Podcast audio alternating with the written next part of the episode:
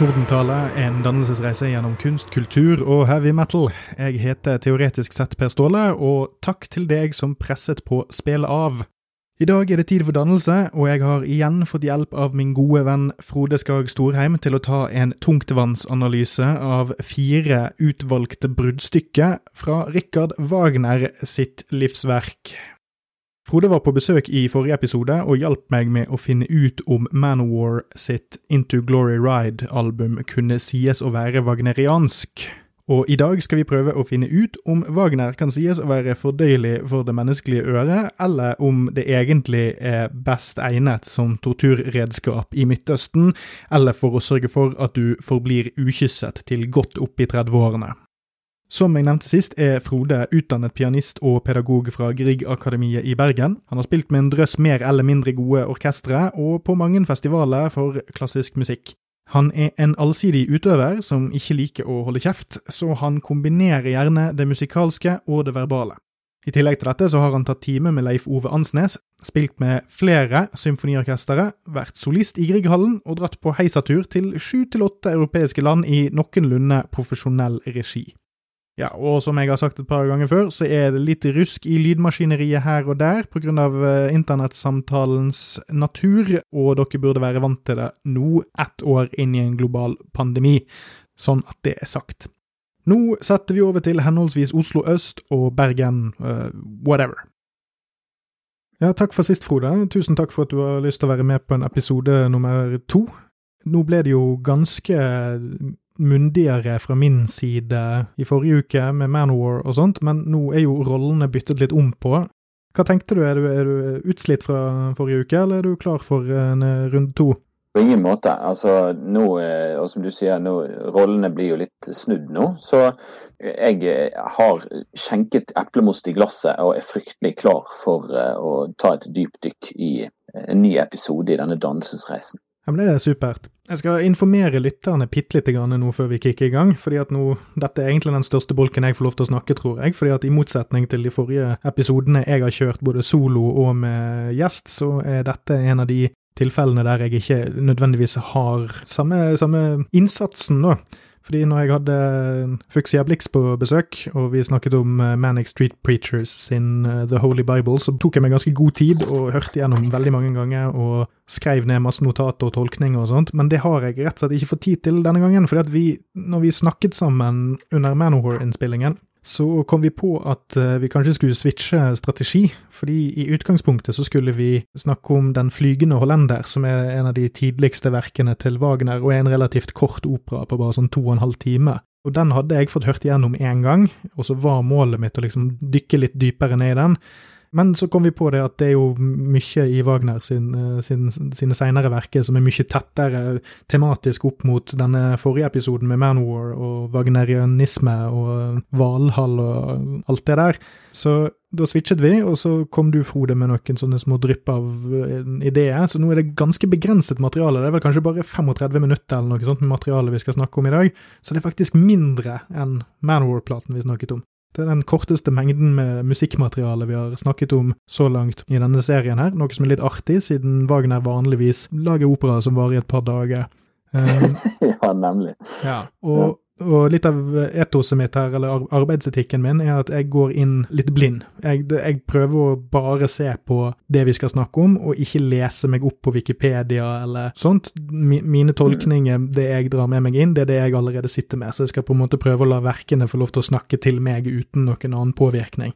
Men det tror jeg da at det kombinert med litt kort forberedelsestid kan ha farget inntrykket mitt litt denne gangen. Altså det at jeg ikke har jobbet så mye med det som det jeg egentlig har hatt lyst til. Men det, jeg tenker jo at dette kan jo være en fordel, for det er jo alltid sånn at jo mer du vet om noe, da vil det jo, bli, det vil jo være både ting du sjøl har, erkjennelser du sjøl har fått eller tenkt deg til, og selvfølgelig ting man har lest seg til. Det er jo alltid en kombinasjon det der, når man søker kunnskap om noe. Og jeg tenker jo at siden du nå er på et litt sånn førsteinntrykksstadie, så er jo det egentlig bare fryktelig spennende å ha som utgangspunkt i dette her. Fordi at Wagner er noe av det største man kan dykke inn i. Og da, jeg, jeg syns det er bare kjempegøy. Så dette gleder jeg meg veldig til.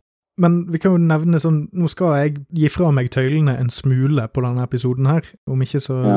veldig lenge, men det, vi kan jo nevne for lytteren det at du er jo ikke noen Wagner-ekspert. Men du er det nærmeste jeg kom med en Wagner-ekspert som ikke irriterer vettet av meg, og som er villig til å snakke med meg i mer enn fem minutter. Så eh, tusen takk for at du jo, alt i orden. Steppe inn sånn sett. Og så er det òg det at Så tenker jeg, sånn, før vi kicker off med materialet, så altså, er det noe du har lyst til å fortelle om dette her før vi begynner? Og så nummer to, hva er ditt forhold til Wagner som ja, profesjonell musiker, og det jeg vil jo si musikkjenner? Ja, altså absolutt. Altså, det, det, det, er jo noe med at det er innenfor altså, Wagner er jo, Hvis du er pianist, så, så, blir det jo litt sånn For å da på en måte kanskje hoppe til spørsmål nummer to. Du, man, som pianist får man som regel bare den direkte kontakten med Wagner hvis man spiller en arie fra en av operaene hans i da utgave hvor, hvor, orkestermusikken er redusert ned til en pianostemme. Sant? Og, du får da komp og det har jeg gjort noen ganger. Men samtidig så er det sånn at musikken til Wagner er så sinnssykt svær, og det er så vanvittig vanskelig å synge det. Og det er nok av operasangere som har ødelagt stemmen på å forsøke å synge Wagner. fordi det er, du må ha så vanvittig stort volum. Og de varer så lenge. altså Det er virkelig maratonøvelsen av Og hvis ikke du da er på si, trent på forhånd, så det er mange som har knekt seg på det der. Så du kan si, Jeg har jo ikke spilt så veldig mye eh, Wagner sjøl, men litt av det som gjorde at vi snakket om 'Flyvende hollender', var jo også fordi at jeg, altså Bergen Nasjonale Opera for tre år siden så satte de opp den her i Bergen. Mm. Og da var jeg med på en skoleturné hvor vi da spilte på videregående skoler. og Da var vi da tre stykker. En skuespiller, en sanger og så var det meg da på piano. og Jeg var nødt til å synge litt. Også. og da, Det vi da gjorde, var at vi spilte et kort utdrag av 'Flyvende hollender' med oversatt til norsk. Og så gjorde vi sånne små, det var veldig sånn pedagogisk opplegg da, og brøt av og forklarte liksom altså alle mulige slags sånn uttrykk. Libretto, for eksempel, da, som da på operaspråket er rett og slett bare teksten man synger. da. For eksempel, og, og forklare litt hva det går i. Og så tok vi da en av scenene vi hadde spilt, og satte den inn i en helt moderne kontekst for å se kan, For litt å bevise det der at opera kan være høyst aktuelt hvis du setter det til nåtiden. Sant? Men selvfølgelig noen operaer er lettere enn andre å gjøre det med. Og det vi for da gjorde med, med 'Flyvende hollender', for det, det er jo en historie da om denne her senter som da har gått rundt og drømt om å møte den flyvende hollenderen og hørt om denne flyvende denne sangfiguren. Sant? Og så plutselig så får hun jo møte han. Mm. Og, og da, da, satte vi det litt inn i sånn Hva, hva skjer hvis du, hvis du en av våre dager får, plutselig får møte likevel sitt sånn store idol, enten det liksom er og, Samme hvem det er, det Leonardo DiCaprio eller hvem det er. men altså hva, hva, skjer da? Og da satte vi det, og da du vi deg sånn litt på popkultur. Ja, jeg var nødt til det. Ja, jeg har sett Titanic, vet du. Neida, men, men, og da eh, prøvde å liksom gjøre litt sånne spill med det, og, og tok inn sånn Tinder-referanse f.eks. med sveiping og sånn. Og da, da, så, da, så, du at kidsa var med på dette, liksom.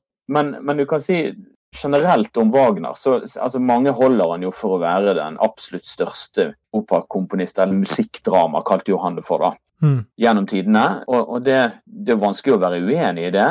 Samtidig så er det også Man kan liksom ikke sammenligne fordi at utviklingen av altså, Du kan ikke sammenligne Mozart og, og Wagner, egentlig, fordi at de, de komponerte Nei. med 100 års mellomrom. sant? Nei, og det, det er merkbart. Det her er det store spenn. For jeg, jeg, mistenker at dette kommer til å dukke opp litt seinere, så jeg bare plukker litt opp det mm. du sier der om uh, hollenderen. fordi at det slår meg som unødvendig mange lag i en historie som allerede er ganske interessant, at du skal lage en opera om en dame som fantaserer om å møte den flygende hollender, istedenfor å bare lage en opera om den flygende hollender. Historien. Ja.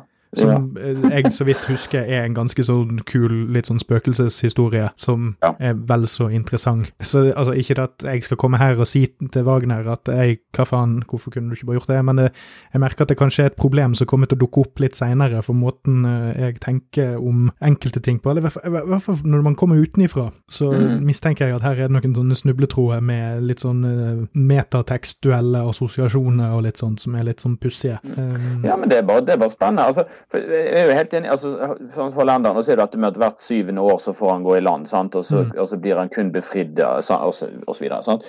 Og så, og så, er det jo litt den der eh, Det er jo en norsk link i, i, dette også. fordi at Wagner han da, altså i sitt eget liv hadde jo da flyttet til Riga og, og begynt å jobbe der borte. Og kom i økonomisk uføre og måtte jo rømme fra kreditorer og alt mulig annet. Og skulle da ta en båt eh, eller skip da til London. Og så kom de ut for noen sånne her eh, uvær og ulykke nede på utenfor sørlandskysten. Sant? Så de, de måtte da komme i land da i, i Tvedestrand, mener jeg det var.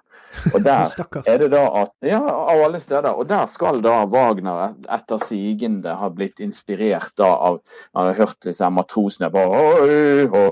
Det her er altså ledemotivet, da. Eller hollender altså, ja, dette, det kjente motivet for overtyren. Og også det med kaptein Daland. sant? Altså, det er jo litt sånn norske navn som dukker opp også i, i hollenderen. da.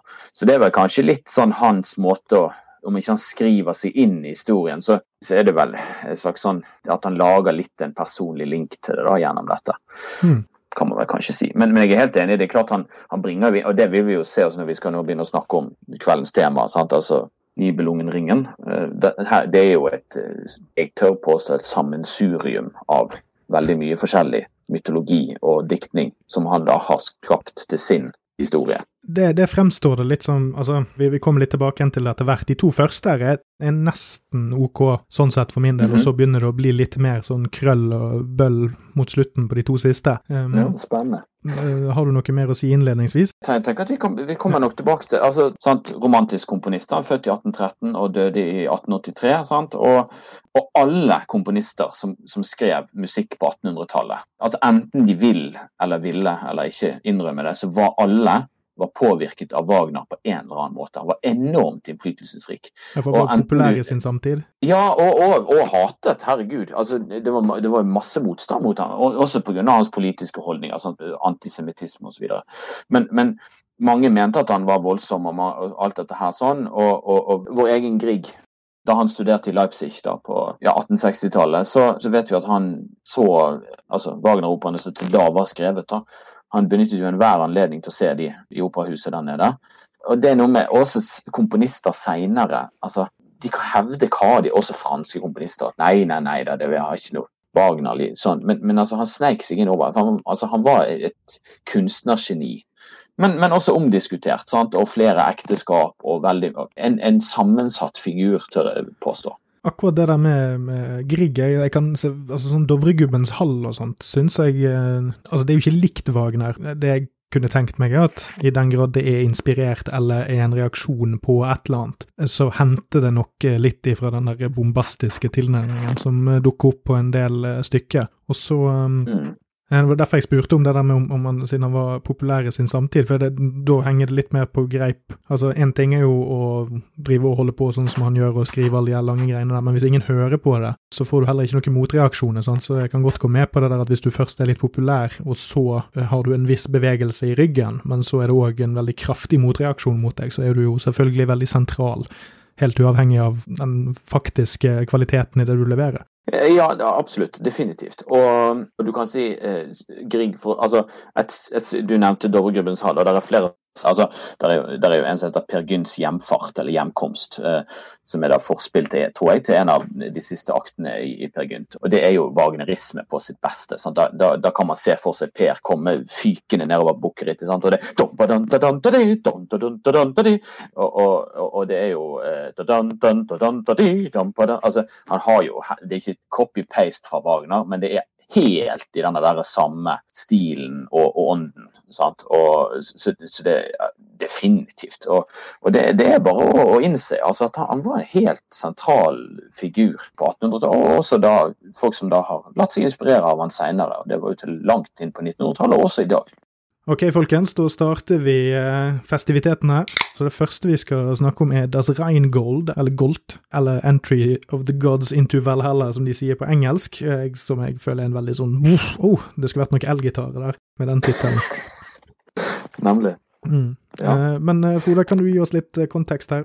Ja, altså dette er jo da, eller På norsk så heter operaen da Ringullet. Og den satsen som jeg da har sendt til deg, som du kunne høre på, det var jo også da for en parallell til forrige episode, hvor vi hørte på en Manowar-låt som handlet om Valhall og det å få komme til altså sånn dø på slagmarken og, og, få lov å komme til Valhall sammen med de udødelige.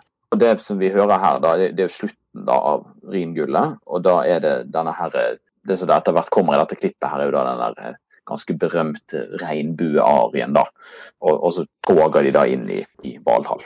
Ja, for jeg kommer, jeg kommer litt tilbake igjen til akkurat denne konteksten, men jeg får si til lytteren det at jeg skal prøve å legge linkene til de konkrete YouTube-videoene vi ser på her, eh, i beskrivelsen, for de som har lyst til å sjekke det ut, men jeg regner jo med at det går an å google seg fram til, eller bare søke opp eh, på YouTube eh, på disse her, og så får du noe som ligner. Absolutt. Eh, det, det første som slår meg, er at eh, den, jeg har ikke sett denne filmen, men dette ser litt ut som Denne sceneoppsetningen ser litt ut som Excalibur, som er en eh, tidlig 80-tallsfilm om ridderen av det runde bord. Det er en litt sånn Scenografien og kostymedesignet får det hele til å se ut som en veldig veldig påkostet 70-talls, 80-talls fantasyfilm som ikke suger. En sånn kultfilm som har blitt glemt. ja. Og så er det òg litt sånn stilig, stilig spesialeffektbruk uh, scenemessig. Uh, for at det er jo, du ser gudene står på en sånn Ja, det er jo på en måte som en slags fjelltopp. Og så er det jeg tror er Thor, fordi det er en fyr der som står med en sånn her eh, pappøks. Men da regner jeg med at det er Thor.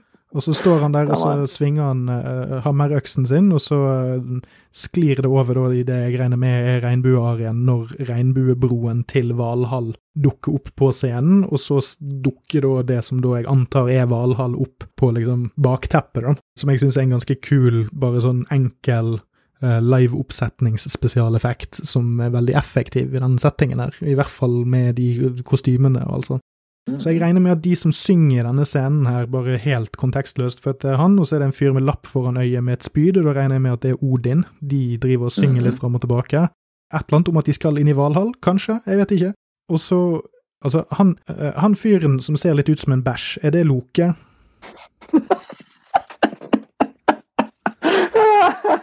Nydelig. Uh, ja, jeg har uh, også lurt på det og kommet fram til at det må det være, ja.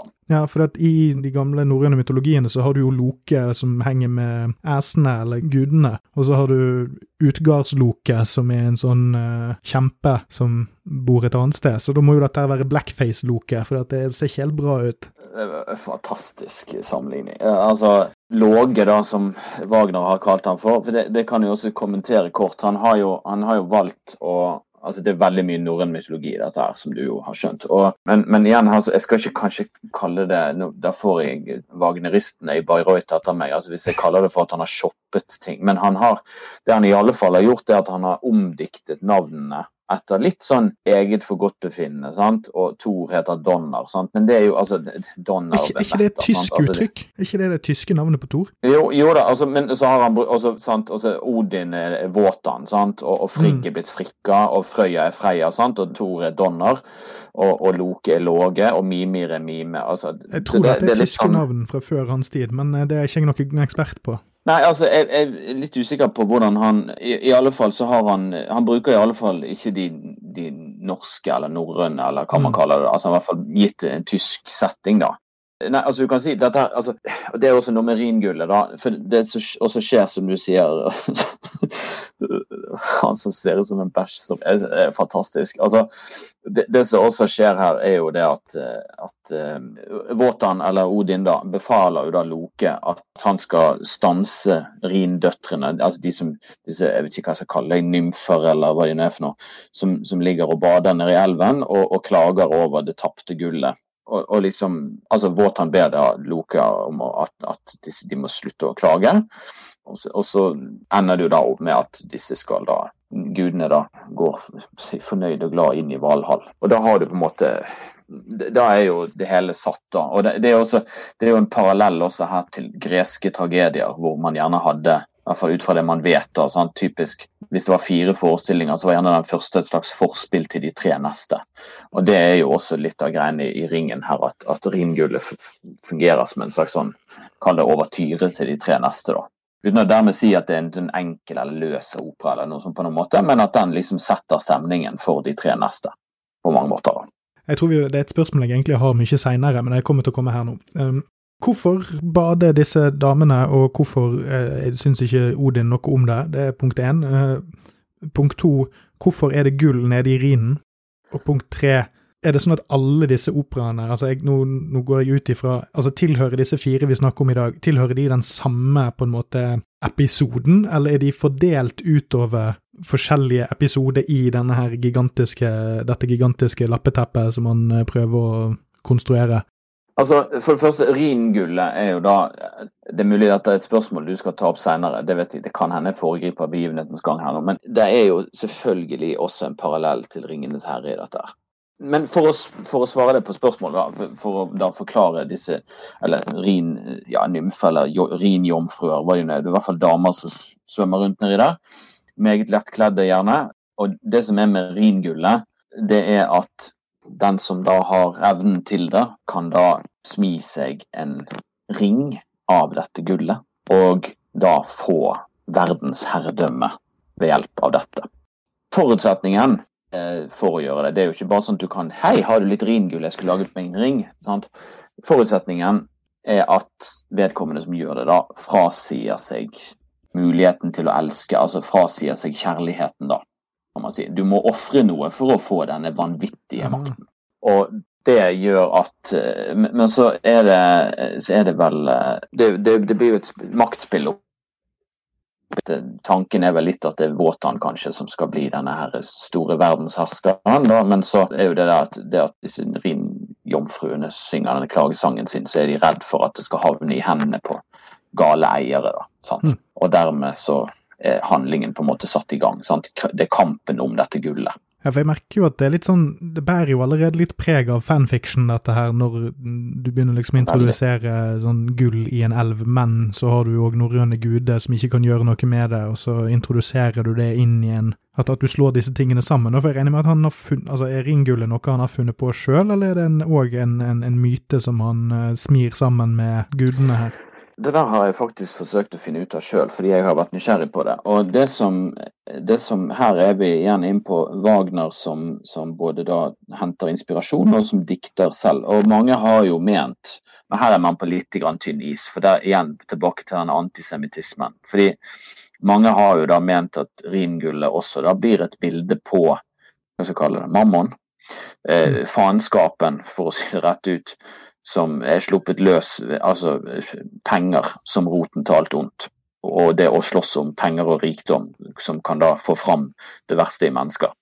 Og enkelte har jo også ment at i den grad man kan finne Men dette er jo litt det er på grensen til konspiratorisk, i mine øyne, da. Men enkelte har jo ment at det er en parallell til jødehat i dette her hva angår da eh, sant?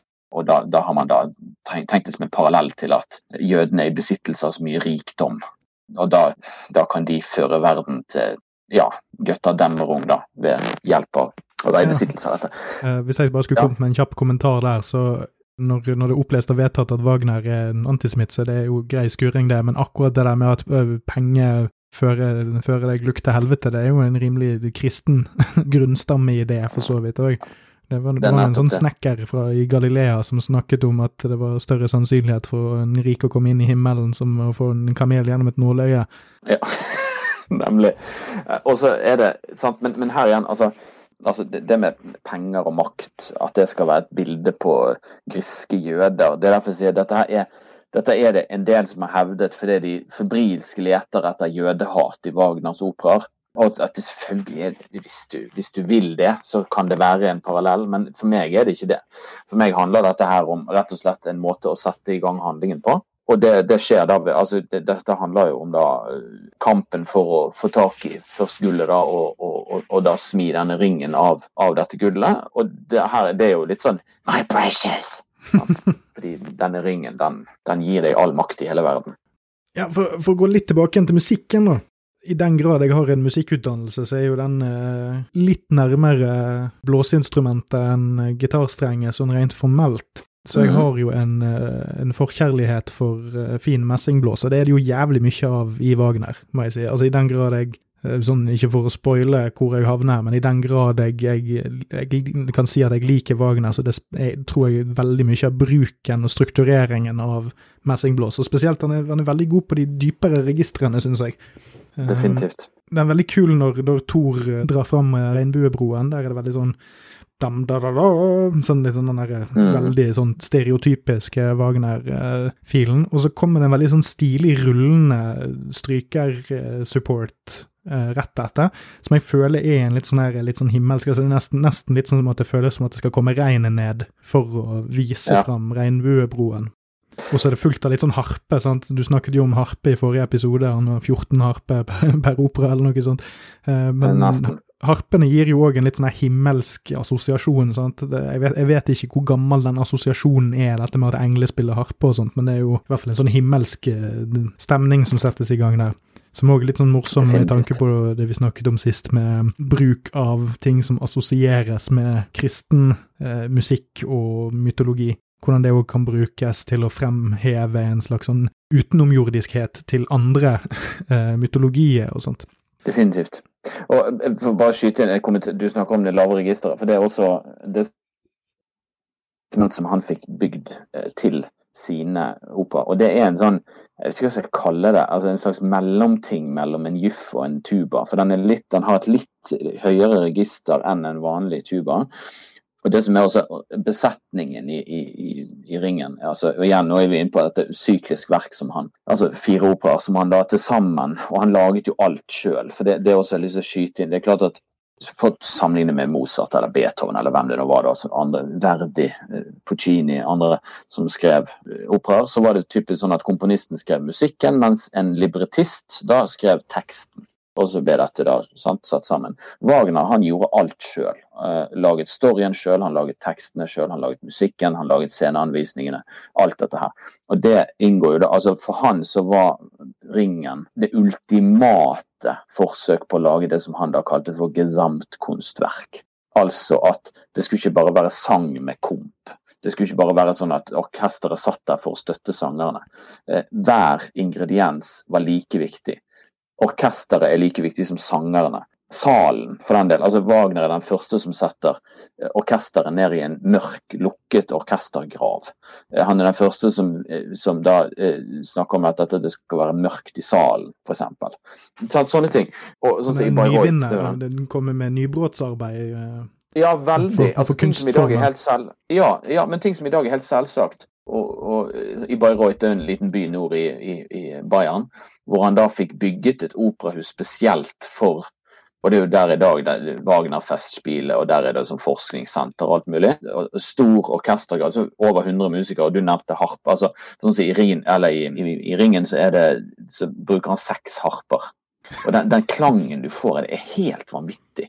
Og så er det sånne her eh, Wagner, eller sånne basstuber, eller sånne ja, Wagner Tuba da som brukes også i dette. som det er med på, Han er veldig glad i messing, og det har du sikkert hørt. sant? Altså, Denne feite, svære klangen da, av, av, dette her. Han elsket jo å bruke det. Så, og, og, ja, Mørkt i salen, som jeg sa. Og også i Bayreuth så er det jo sånn at alle som sitter Det er ikke sånn der F.eks. sånn som i sånn Amadeus, sant? så sitter de jo i sånne etasjer oppover. Sant? Noen sitter bak en søyle, noen sitter sant, inni en krok. I, I, det der Bayreuth-huset så er det fri sikt fra absolutt alle plasser. Så, sånne ting, altså Han var jo en, en nybrottsmann. Altså, og Det er jo det som igjen, det, det er geniet opp mot mennesket. Sant? Opp, sant her, og det, det, er litt eh, For han hadde absolutt diskuterbare sider, den mannen. Men ja. Ja, men jeg, Det er stilig å høre dette her du sier om, um, om det teknologiske, altså ikke teknologiske, men altså det rent tekniske. altså det At du, du har var dette gale geniet på den ene siden med, som tilsynelatende egentlig har tenkt ganske klart, siden han da har lagd, eller har påvirket utviklingen av konserthus og sånt seinere, og oppsetninger. Uh, og så ja. i, i, tillegg så har du denne litt sånn monomane galskapen, og det er sånn Trenger du egentlig å lage så jævla lange operaer? Pervo. Men oppi det hele så kan jeg bare sånn avslutte med altså, Jeg syns det melodiske er ganske stilig her, men altså sånn selve sangen er litt døll, opplever jeg. Ja. Det, sånn, det, det, er veldig mye sånn Nå synger jeg opera sant? Altså, Det er bare sånn mm. det, det, er sånn, Nå står jeg her og, og, og, og, synger noe beint ut i luften, og så håper jeg at du kan tysk, for ellers så henger ikke dette på greip. Så, så, det er litt sånn ja. Det er mye som binder dette sammen, men jeg merker òg at jeg fulgte mye bedre med. Altså Hadde jeg hørt denne bare på ørene, så hadde jeg nok mm. slitt med å holde konsentrasjonen litt her. Men, men, det å se det som en sånn pakke, og i hvert fall i denne oppsetningen her, gjorde det mye mer tilgjengelig. Ja, bra. La meg si det, for å si det rett ut, jeg er helt enig. og dette er jo også noe av ankepunktet man har mot opera generelt, og det er ikke bare Wagner. Det er noe med at For mange i dag så fremstår opera en del mener jo rett ut at det er et, et, et, en uttrykksform som ikke har livets rett lenger. Og litt fordi at vi som mennesker har beveget oss litt videre og vi vil at ting skal skje fortere og alt dette her. Samtidig mange av oss syns det er helt i orden å se tre timer Ringenes herre eller, eller Titanic i tre timer, eller hva det måtte være for noe. For en del så kan opera oppleves ganske stillestående. Og Wagner er definitivt en operakomponist som er lett å Eller lett, skal jeg kanskje ikke si, men fordi verkene er lange, og fordi at det nettopp er ikke alltid sånne her catchy melodier, som du sier. sant? Det er noe så synger opera, og det er sånn. Og så er det noe med at han, han vil ofte bli værende veldig lenge i disse uttrykkene. Og du er ikke alene om å tenke det der. Takk for at du støtter meg der. Det føles veldig godt å liksom stå midt inni dette her og liksom føle å få litt sånn backup for det man, eh, det man tenker. Og, um, og dessuten, altså jeg, jeg, skal jo ikke kaste stein i glasshus her. Jeg går jo og venter nå på en eh, fire timer lang versjon av Justice League som skal komme på HBO om litt over en uke. Så um, jeg, jeg, kan godt bruke veldig veldig mange timer av mitt liv på noe som egentlig kan oppfattes som monotont og kjedelig for uh, veldig, veldig veldig mange andre mennesker. Så uh, akkurat der skal jeg ikke felle noen dom, altså. Men da mm. hopper vi over på uh, nummer to. Det er jo den mest kjente for menigmann uh, av alle de vi skal snakke om nå. Og det er jo uh, Valkyrienes ritt, eller Ride of the Valkyries. Det er jo den som er brukt i mm. utallige filmer, hovedsakelig fordi at den først ble brukt i Apocalypse Now, og så er det veldig mange som har, har brukt den som en parodi eller hyllest til Apocalypse Now, men i den, i den filmen, det kan jeg jo legge til siden jeg faktisk har sett den og vet litt om faktisk har sett den og kan litt om den, uh, så er jo det en film av Francis Ford Coppola som handler om Vietnamkrigen, og da er det jo det at en riv ruskende gal militærleder holder på å eh, fyre av napalm mot uh, innfødte i Vietnam under krigen der. Og så er det jo så, Det er jo nesten en sånn kontrastbruk at nå, nå, er det egentlig Det er jo mange som har tatt videre derifra at oh, det er jævlig kult å spille Valkyrienes ritt når du driver med militærting, men det er jo egentlig for å understreke at denne fyren er komplett psykopat. Han liker å sette på Wagner mens han eh, kverker folk i et land han ikke hører hjemme i, for grunner han har glemt. Jeg kan ta og starte litt med førsteinntrykket mitt her. Altså, musikken er jo tøff. Altså, dette er en musikk som har blitt så referert til og så mye brukt at det er en del av alles felles kultur, på en måte. Det er alle voksne mennesker som har et eller annet slags forhold til musikk, kan denne melodien her. sant? Du har plukket det opp uh, ufrivillig fra barnsbeina av. Mm. Altså, dette har blitt brukt i tegnefilmer, og det har blitt brukt i, i seriøse dramaer, det har blitt brukt i TV-serier, overalt. Uh, her syns jeg òg syngingen er jævlig kul. Her, ja. her, er det mye bra vokalbruk, og det er en veldig sånn stilig integrering av blåsere og strykere. Og det kan hende at det er kanskje spesielt i denne versjonen dette skal jo være Metropolitan Opera Orchestra. Jeg tror det egentlig er sånn tysk uh, Eller det virker som i hvert fall det er et sånt uh, Wagner-kompani. I hvert fall noen som har veldig peiling på det. Jeg syns det var litt tøft at musikken har en litt sånn stilig nedadgåendehet. Altså at valkyriene kommer ned fra himmelen for å plukke opp uh, de døde fra slagmarken. Og det er yes. veldig tøft. Det har ikke jeg tenkt på før engang. At, at det er det som er det som er på en måte motivet her. Sant? At det er en sånn dyll, altså, At de faktisk triller ned, nesten. Men når det er sagt, sånn mine siste par, par kommentarer, er jo at det er jo litt mer sånn som Valkyrienes dumphuske. Um, ja, i den oppsetningen. Det, det er noen scenografigreier der de sitter på noen sånne svære planker og går opp og ned. Og så syns jeg at det ser ut som at de er litt seint ute, disse valkyrjene. For de døde på slagmarkene og rukker å bli om til skjeletter. Så det, jeg vet ikke om, om, det er en sånn holdbarhetsdato for å komme seg til Valhall. Jeg får håpe at, eh, at, de da kan vekkes til liv igjen på en eller annen måte. det funker ikke med munn til munn på det der? Lite av det, tror jeg. ja. Nei, altså, du kan si, Dette her er jo, det er jo forspillet til tredje akt, mener jeg. Denne uh, Valkyrienes ritt. da, og Operaen heter jo da De Valkyre. Eller Valkyrien, Mm. Og her er vi jo, For det første så er det jo et essensielt element i hele operaen, uavhengig av, av handlingen. Er, sånn sett egentlig er jo det at der du i ringgullet forholdt Altså handlingen består av utelukkende guder, eh, eller skal vi si ikke-menneskelige skapninger, da. Og det som skjer i Valkyrien, er jo det at etter hvert dukker det opp eh, mennesker, fysiske levende jordboere.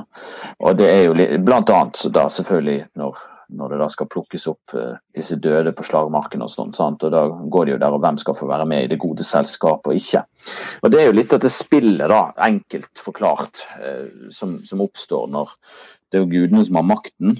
Men så utfordres jo den, da. Og det, det er jo sånn, det er jo litt denne si, ballen som har begynt å rulle. Det er jo, det er jo på mange måter en, en kamp mellom mennesker og guder, dette. sant? Og Men, men for du, du, du, skildret jo veldig fint dette her, du snakket jo denne nedadgåenheten i Valkyrjene sitt. Det, Og det er jo det vi på musikkspråket da kaller for kromatikk, nemlig dette her med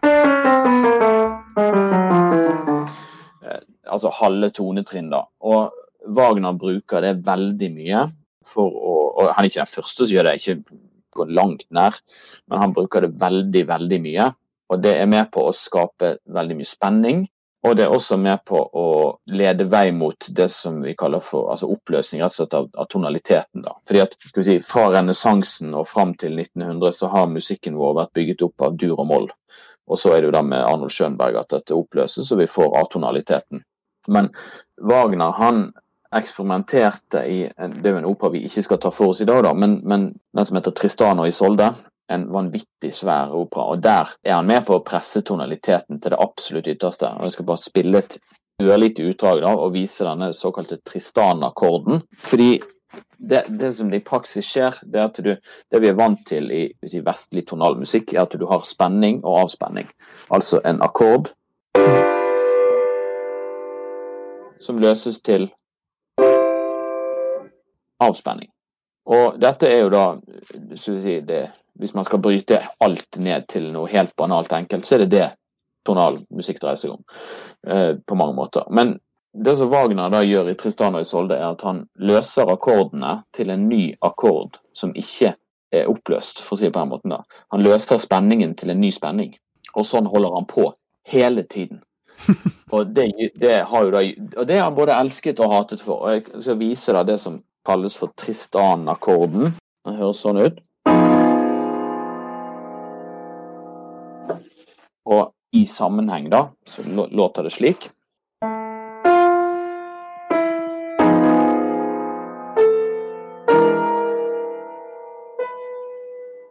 Den siste akkorden da, den er, den er syv, og den, den er ikke oppløst. Den har en spenning som blir liggende i luften. Og det er dette som han da dyrker. Og dette er han i, i, i disse Ringen-operaene, så er han jo eksperimenterer han jo mer og mer, og så får det da sin kulminasjon i Tristana og Isolde.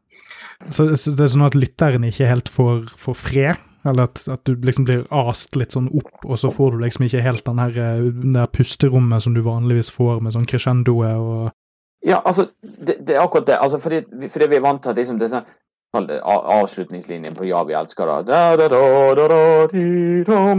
Altså, her, du, du får ikke det der før helt til slutt helt på slutten av operaen, altså, altså, mer eller mindre, da så, så Det kommer jo noen durakkorder innimellom, men, men sånn generelt så holder han oss i en sånn transe.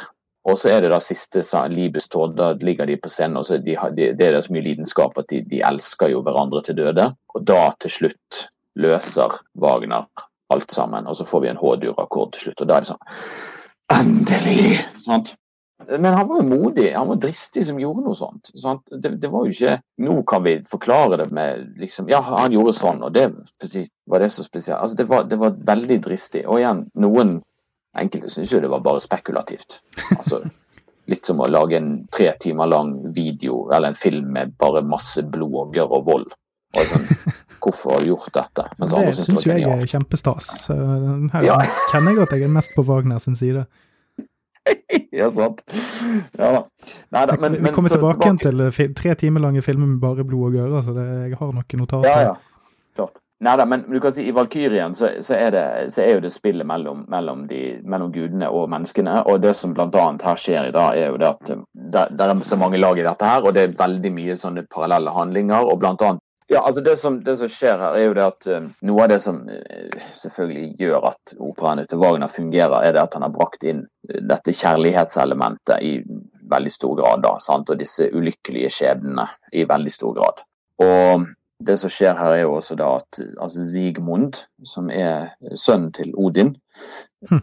Faren hans går jo være mer eller mindre med på at sønnen må dø pga. forskjellige allianser og avtaler som er inngått. da, Og så har du det gående liksom det ultimate offeret, kan man si. Ja, litt sånn uh, Isak og Abraham. Ja. ja, det er definitivt en parallell der. Så er det en annen ting oppi dette her, da. Selvfølgelig sånn litt sånn edgy ting må man jo ha. Fordi at Sigmund har jo da en tvillingsøster som heter Siglinde. de mener det er sånn skilt ved fødselen-opplegg. Og når de da møtes i operaen, så blir de jo da veldig nysgjerrige på hverandre, og de blir jo da ikke minst litt sånn ja, elskere, elskerinner. Sånn. De, de gjør ting. Men det som en, en essensiell ting i dette her er jo, for å da lede videre til det neste klippet som jeg sendte deg, som er fra den neste operaen, Sigfrid, Siegfried, så er det det at Sigmund, han, eh, det han gjør, er at han får tak i dette sverdet som heter Nåtung. Som da blir smidd på da i den neste operaen. Så denne, denne arien som du da har hørt på.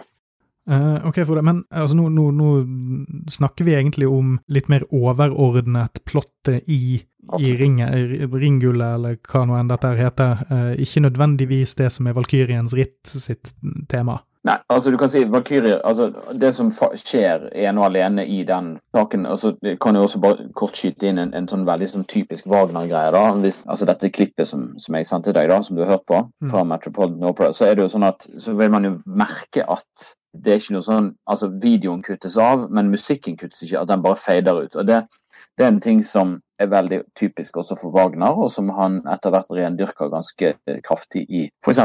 Ringen. Det er dette med at Jeg nevnte før, men eh, den uendelige melodi. fordi at Hvis du tar for å ta 100 år tilbake i tid, da, Mozart f.eks., så har du en overtyre, og så har du en, for eksempel en arie. Og Da kommer den inn og synger, og så er den ferdig, og så er det typisk applaus. Og så kommer det kanskje et restativ, som da betyr det legges det bare noen akkorder under. Og så synger man på litt sånn snakkesyngende måte, og så kommer det kanskje en arie til. Og så er det applaus. Altså det er alltid opphold mellom. Wagner han, han vil at det skal bli en sånn kontinuerlig strøm, en uendelig melodi, kan du Mm. si, eller uendelig musikk, nærmest. da. Men, og Derfor så, så brytes det ikke av i noe sånn Pang! Poff! Applaus. sant? Altså, For det fortsetter inn. Og det er jo da disse valkyrjene som kommer da for å Det som skjer i den der, det er at de, de, de rir ned på slagmarken og, og finner ut av hvilke de skal plukke med seg til Valhall og ikke. Og Det er jo egentlig det som da skjer. Men, men eh, som vi, altså for å da videre til den neste operaen i Ringen, så er jo et, et viktig moment i dette her, eh, og igjen paralleller til eh, mytologi og, og gjerne skikkelser man typisk har hørt om uten at man har hørt om Ringen, så er det da dette sverdet som jeg nevnte. I, Northug. Jeg tror at på ja, nemlig. Eller på, på norsk så snakker man gjerne altså, Kalles det for gram. Det, det er jo dette Sånn sverdet som den der, den som- fagforeningen, er ikke det noe for musikere? Norske Gram? Jo, nemlig. Dette blir bare bedre og bedre.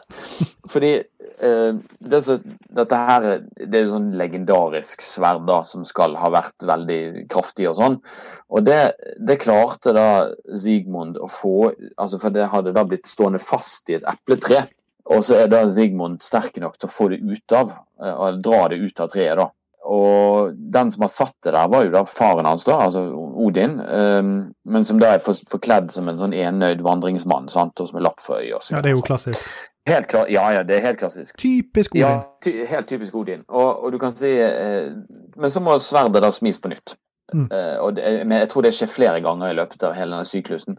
Men iallfall det som da eh, i forlengelsen av dette skjer altså eh, Man har kanskje tenkt det allerede, men, men Sigmund, eller Sigurd da på norsk Og når han da har fått dette sverdet i nevene, så kan han da bli den berømte Sigurd Drakedreper. Og det han da gjør, er at han tar sverdet, nåtung eller gram, eller hva vi nå skal kalle det da, og så dreper han denne dragen, Fafner, som da vokter eh, Nibelung-gullet, eller Ringullet, da. Som, som tidligere tilhørte disse rindamene, Rin-damene, eller Rin-jomfruene, da. Og da får han tak i denne her ringen. My precious! eh, så Men så det slutter jo selvfølgelig ikke med det, da. Sant? Fordi at Nei, det slutter jo aldri, det dette. Nei, det slutter jo ikke med det. Så, men, men da er vi jo egentlig på allerede, da er vi allerede over i tredje operaen, og du, du kan jo si litt om hva det er vi har hørt på. Eller hva det er du har hørt på. og Ja, for dette er da Sigfrid eh, Nothung, Mhm, med utropstegn, eller på engelsk mm. 'Sigfried forges his sword. Nemlig. Ja, og da har jo du lagt uh, grunnlaget litt for uh, hva, altså dette sverdet som skal smis for å kverke denne dragen. Og det Fafner, det, det må være òg en annen referanse, eller om det kanskje er at det, det det der med at jeg assosierer det med denne myten her. For vi kan komme litt tilbake igjen til uh, denne Sig Sigurd Drakedreper-connection, for det er en ting jeg merker at jeg ikke kan så mye om. Uh, og det mm. merker jeg da kanskje er en del av mytologien som kanskje uh, Eller av historiene som uh, Som du sier så fint at Wagner har shoppet litt rundt. Han tar og shopper mm. sammen litt forskjellige ting, så da kan vi kanskje snakke litt om.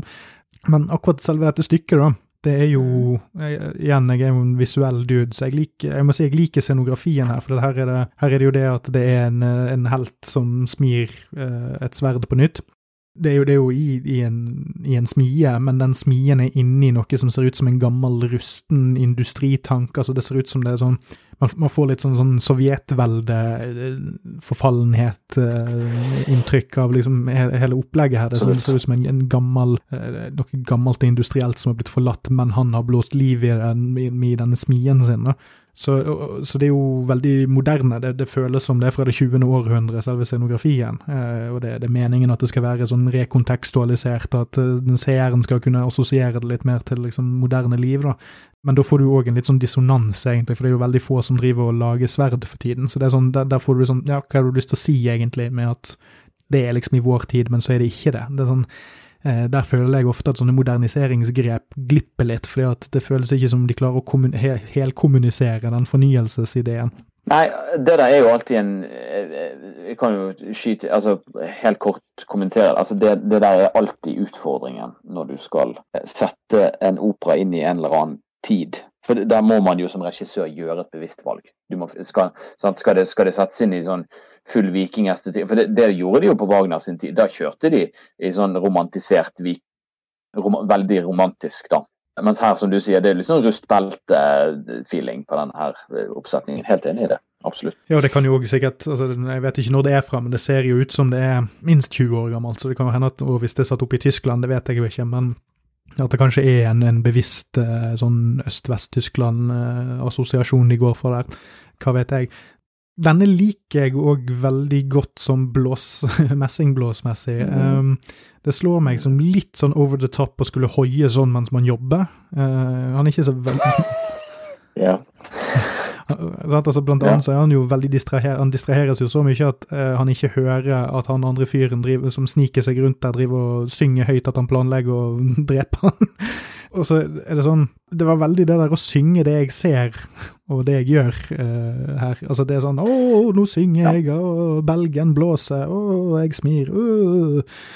Jeg, jeg, tror en smed ville hatt et og annet å si på håndverket her. altså Jeg syns ikke han, han, han, han følger ikke godt nok med på hva han gjør for å trekke det litt tilbake til dette med timevis med blodgørr og sånt, dette føles jo veldig som åpningen på Arnold eh, Schwarzenegger sin Konan-film eh, fra 82, som jeg har nevnt flere ganger på denne podkasten, eh, og kommer nok til å nevne mange flere ganger. For den åpner jo med Konan-temaet i en smie, der du da, mens musikken spiller, som er veldig Den er nok Wagner-inspirert òg, men den er veldig sånn perkusjonsfokusert, sånn at du, du, på en måte kan høre en hammer mot en ambolt nesten i bakgrunnen eh, i takten. Eh, mens du ser at et sverd blir smidd. da. Jeg tror ikke han som skrev Konan eh, var spesielt inspirert av Wagner, så vidt jeg vet, men eh, jeg tror definitivt de som lagde filmen var inspirert. Jeg nekter å tro noe annet, i hvert fall. Så det er litt sånn stilig å se disse litt lengre tingene. Og så må jeg jo faktisk si på slutten, det er jo òg en, og, Her kommer jo dette med Ringenes herre inn igjen, fordi det er jo et mm. plottpoeng der at uh, du har dette sverdet Narsil som tilhørte forfaren til, uh, til Aragorn, som da blir smidd på nytt igjen, og da er det liksom starten på egentlig eventyret deres, eller der de drar ut i verden for å ja, ødelegge ringen istedenfor å finne den. Ja, det er jo en veldig klar parallell. Jeg er helt enig, og det er jo litt av den operaestetikken, for å ta det også det der med at nå, nå synger jeg om det jeg står her og gjør. sant? Altså, det er jo litt igjen et, et ankepunkt mot opera generelt da, sant? og enten det er liksom sånn Nå står jeg her og skriver et brev, og, og det skal jeg sende til han jeg elsker å fortelle sånn. Eller nå står vi her og har et komplott, vi, nå skal vi lure han der. og, og eller i alle farseoperaene. Å, dere, la oss ta på oss eh, en maske, så kjenner ikke elskeren vår oss igjen, og osv. Altså, og det er jo litt det der for at man skal forklare på en nesten litt sånn belærende måte hva som foregår her. Og, men jeg er helt enig, det, det, og det der er igjen en sånn ting som dramaturgisk sett, så tror jeg at hvis det der skal fungere, så, så, må publikum i utgangspunktet være innstilt på at dette er premissene for forestillingen. Skjønner du meg? Altså, mm. Også, men så kan du også, for å da snakke litt helt litt sånn kort generelt om Siegfried-operaen, da, så er det jo dette med at den er generelt ansett som den letteste både innholdsmessig, men også uttrykksmessig, av disse operaene. Fordi at, og det er også Sigfrid han er litt sånn der, ja, framfus, litt sånn cocky type, da, for å si det sånn. Altså litt sånn, For det første, han er jo menneske. Og så her igjen så er det jo litt dette ja, Nå er vi inne på en sånn incestuøse greier, da. Men, men Sigfrid, han antas jo, men man det kommer aldri fram i klartekst, men man antar at han er sønnen til Sigmund og Siglinde. da, og, og, som da gjør at Våtan, eller Odin, da får han da som, som sin skal vi si, sønnedattersønn, skal vi si på den måten. Altså forferdelige ting å få. Både farfar og morfar? Ja, sant. Det er jo Altså, gud forby. Virkelig. Bokstavelig altså. Kongehuset kan ikke måle seg med det der. Nei, altså, nå har du jo hatt dette her Oprah Winfrey-intervjuet nå nettopp, men altså, det, det, blir jo, det blir jo voldsomt. sant? Men Sigfrid han er jo veldig sånn, sånn ja, leken. Men jeg, ja, litt sånn her, sånn cocky type. Jeg, har ikke, jeg kommer ikke på noe godt norsk ord. Jeg. Ja, litt sånn eventyrer. Gøyal. Litt sånn eventyrer, kanskje. sant? Og, og som er med på å skape oss litt sånn indre spenn i det. Og det er ikke så mye av det i For det, det kan jo også ta med da det Wagner generelt. Han var veldig påvirket En ting er nå dette norrøne, men han var veldig påvirket av filosofien da til eller altså Arthur Schopenhauer. Og han, enkelt forklart så hadde han et ganske pessimistisk menneskesyn. Og at, at liksom menneskenes lodd var litt sånn, sånn bare drevet av egoistiske gjerninger og dette og sånt. Og det, det, skinner jo ikke bare, men til en viss grad igjennom hos, hos, Wagner. For han var veldig lite glad i happy endings. Det forekommer, men han, han likte best hvis det endte med litt sånn tragedie og sånn. Litt sånn som når man skulle skrive skolestil på tentamen på uh, ungdomsskolen. Man fikk alltid best karakter hvis noen tok selvmord til slutt. Det, det, er nettopp det. Og, så du kan si i Siegfried da, som, som en selvstendig story altså, Det er også viktig å huske på at alle disse operaene kan jo fremføres hver for seg. For de har en tilstrekkelig selvstendig handling til at man kan se de isolert sett også. Men, men Siegfried, da, han på slutten av Art Fafner, altså denne dragen, og, og få tak i skatten, så, så, er det da denne her sovende Brunhilde, eh, som vi vel ikke har eh, kommet så mye inn på ennå, men hun er da en valkyrie. Og da type sånn ja, de, Men de har vel en sånn litt at de er synske, eller at de, de, vet liksom, og kan se litt sånn Om ikke, om ikke kan se inn i fortiden, så vet de alt, tror jeg. Og Sigfrid da tar hun her Brunhilde til sin ekte make, da. Mm. Så det blir jo sånn isolert sett, så er jo det, altså det, det jo, For å ta det en, en sånn helt klar musikalsk uttrykk altså i, man kaller, Sigfrid kalles ofte for skertsoen i ringen. Og en skertso det betyr jo da spøk. Og det er da en henvisning til f.eks.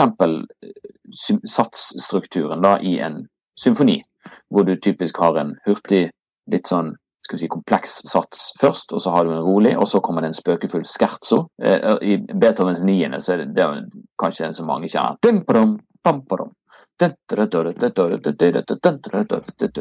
Litt sånn hurtig, munter sak før man da får en avslutningssats. Og, og det er jo det de mente. Ja, litt sånn, ja, ofte. Ofte er det det.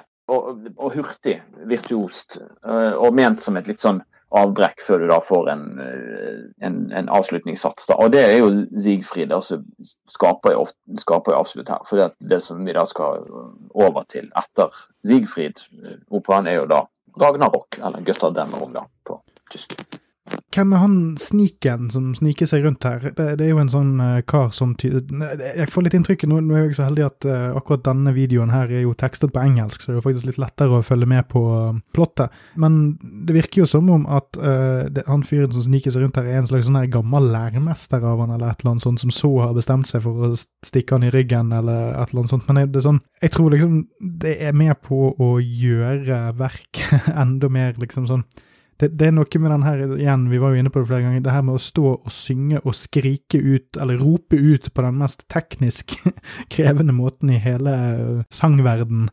At nei, nå skal ja. jeg meg forgifte helten her, mens du står fem meter unna. Mm. Det er et eller annet med Selvfølgelig skal du gå med på at eh, måten scenen er bygd opp på, så er det ikke sånn at folk faktisk står fem meter unna hverandre. Man står jo kanskje egentlig en kilometer unna, og så kommer de inn og ut. sant? Altså, det er jo det er jo abstrakte avstander her, og sånt, men det er et eller annet med å bare komme seg, sette seg ned og se det helt sånn på tom mage, holdt jeg på å si. Og det blir så det blir så rart, i hvert fall når de da resiterer alt de sier og alt de tenker, for da blir det òg sånn at helten blir så til de grader idiot når han nå kommenterer med sin veldig, veldig spake analyse på hva han andre driver med. Så det, det er mange steder man kan dette av lasset her, for å si det sånn. Det er gjerne i kombinasjon. Ja, ja. Det er gjerne, gjerne flere ja. elementer som kan være med å bidra på å gjøre det vanskelig for eh, lytteren å sette seg inn i dette. Og det er også Jeg er helt enig. Og, og det, det, gjør at kan kan si igjen, Hvis man skal sammenligne altså den totale spilletiden i ringen vil jo da typisk havne på rundt 15-16 timer, kanskje opp i 17 timer. Det kommer helt an på hvor langsomme tempi dirigenten velger. Lenger enn um, Ringenes herre, det, faktisk. Ja, det, og ja, ja, visst, visst. Um, og, Med special edition også, så er det rundt 12, tror jeg. Ja, nemlig. Og, og, og du kan si og Noen grunn til at altså, Når det er sagt også, eh, den første operaen, 'Ringgullet', den spilles sammenhengende to og en halv time uten, uten, pause. Eh, de andre så har man pauser mellom aktene.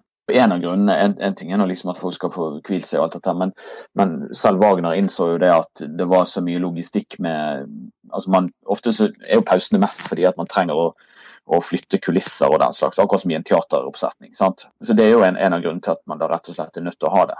Men utover det så, så, var jo Wagners idé at dette skulle jo gå mer eller mindre sammenheng, men, men aldri operaene i ett etter hverandre. Altså, jeg kjenner ikke til at man spiller det 16 timer. Det tror jeg ikke vi hadde fått noen med på.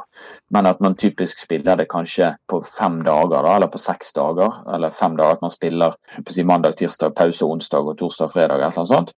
Og så er det sinnssykt ressurskrevende. sant? Og, men uh, dette her er jo også noe av, av, grunnen til at hvis man skal gå inn i operaens verden, så bør man altså, jeg, jeg vil faktisk sammenligne det ikke med å springe 42, hva det er for noe, kilometer. Da begynner du med en fem-seks, kanskje sju kilometer og tar deg en mil, og så bygger du på etter hvert. Sant? Og så Begynn med litt kortere ting.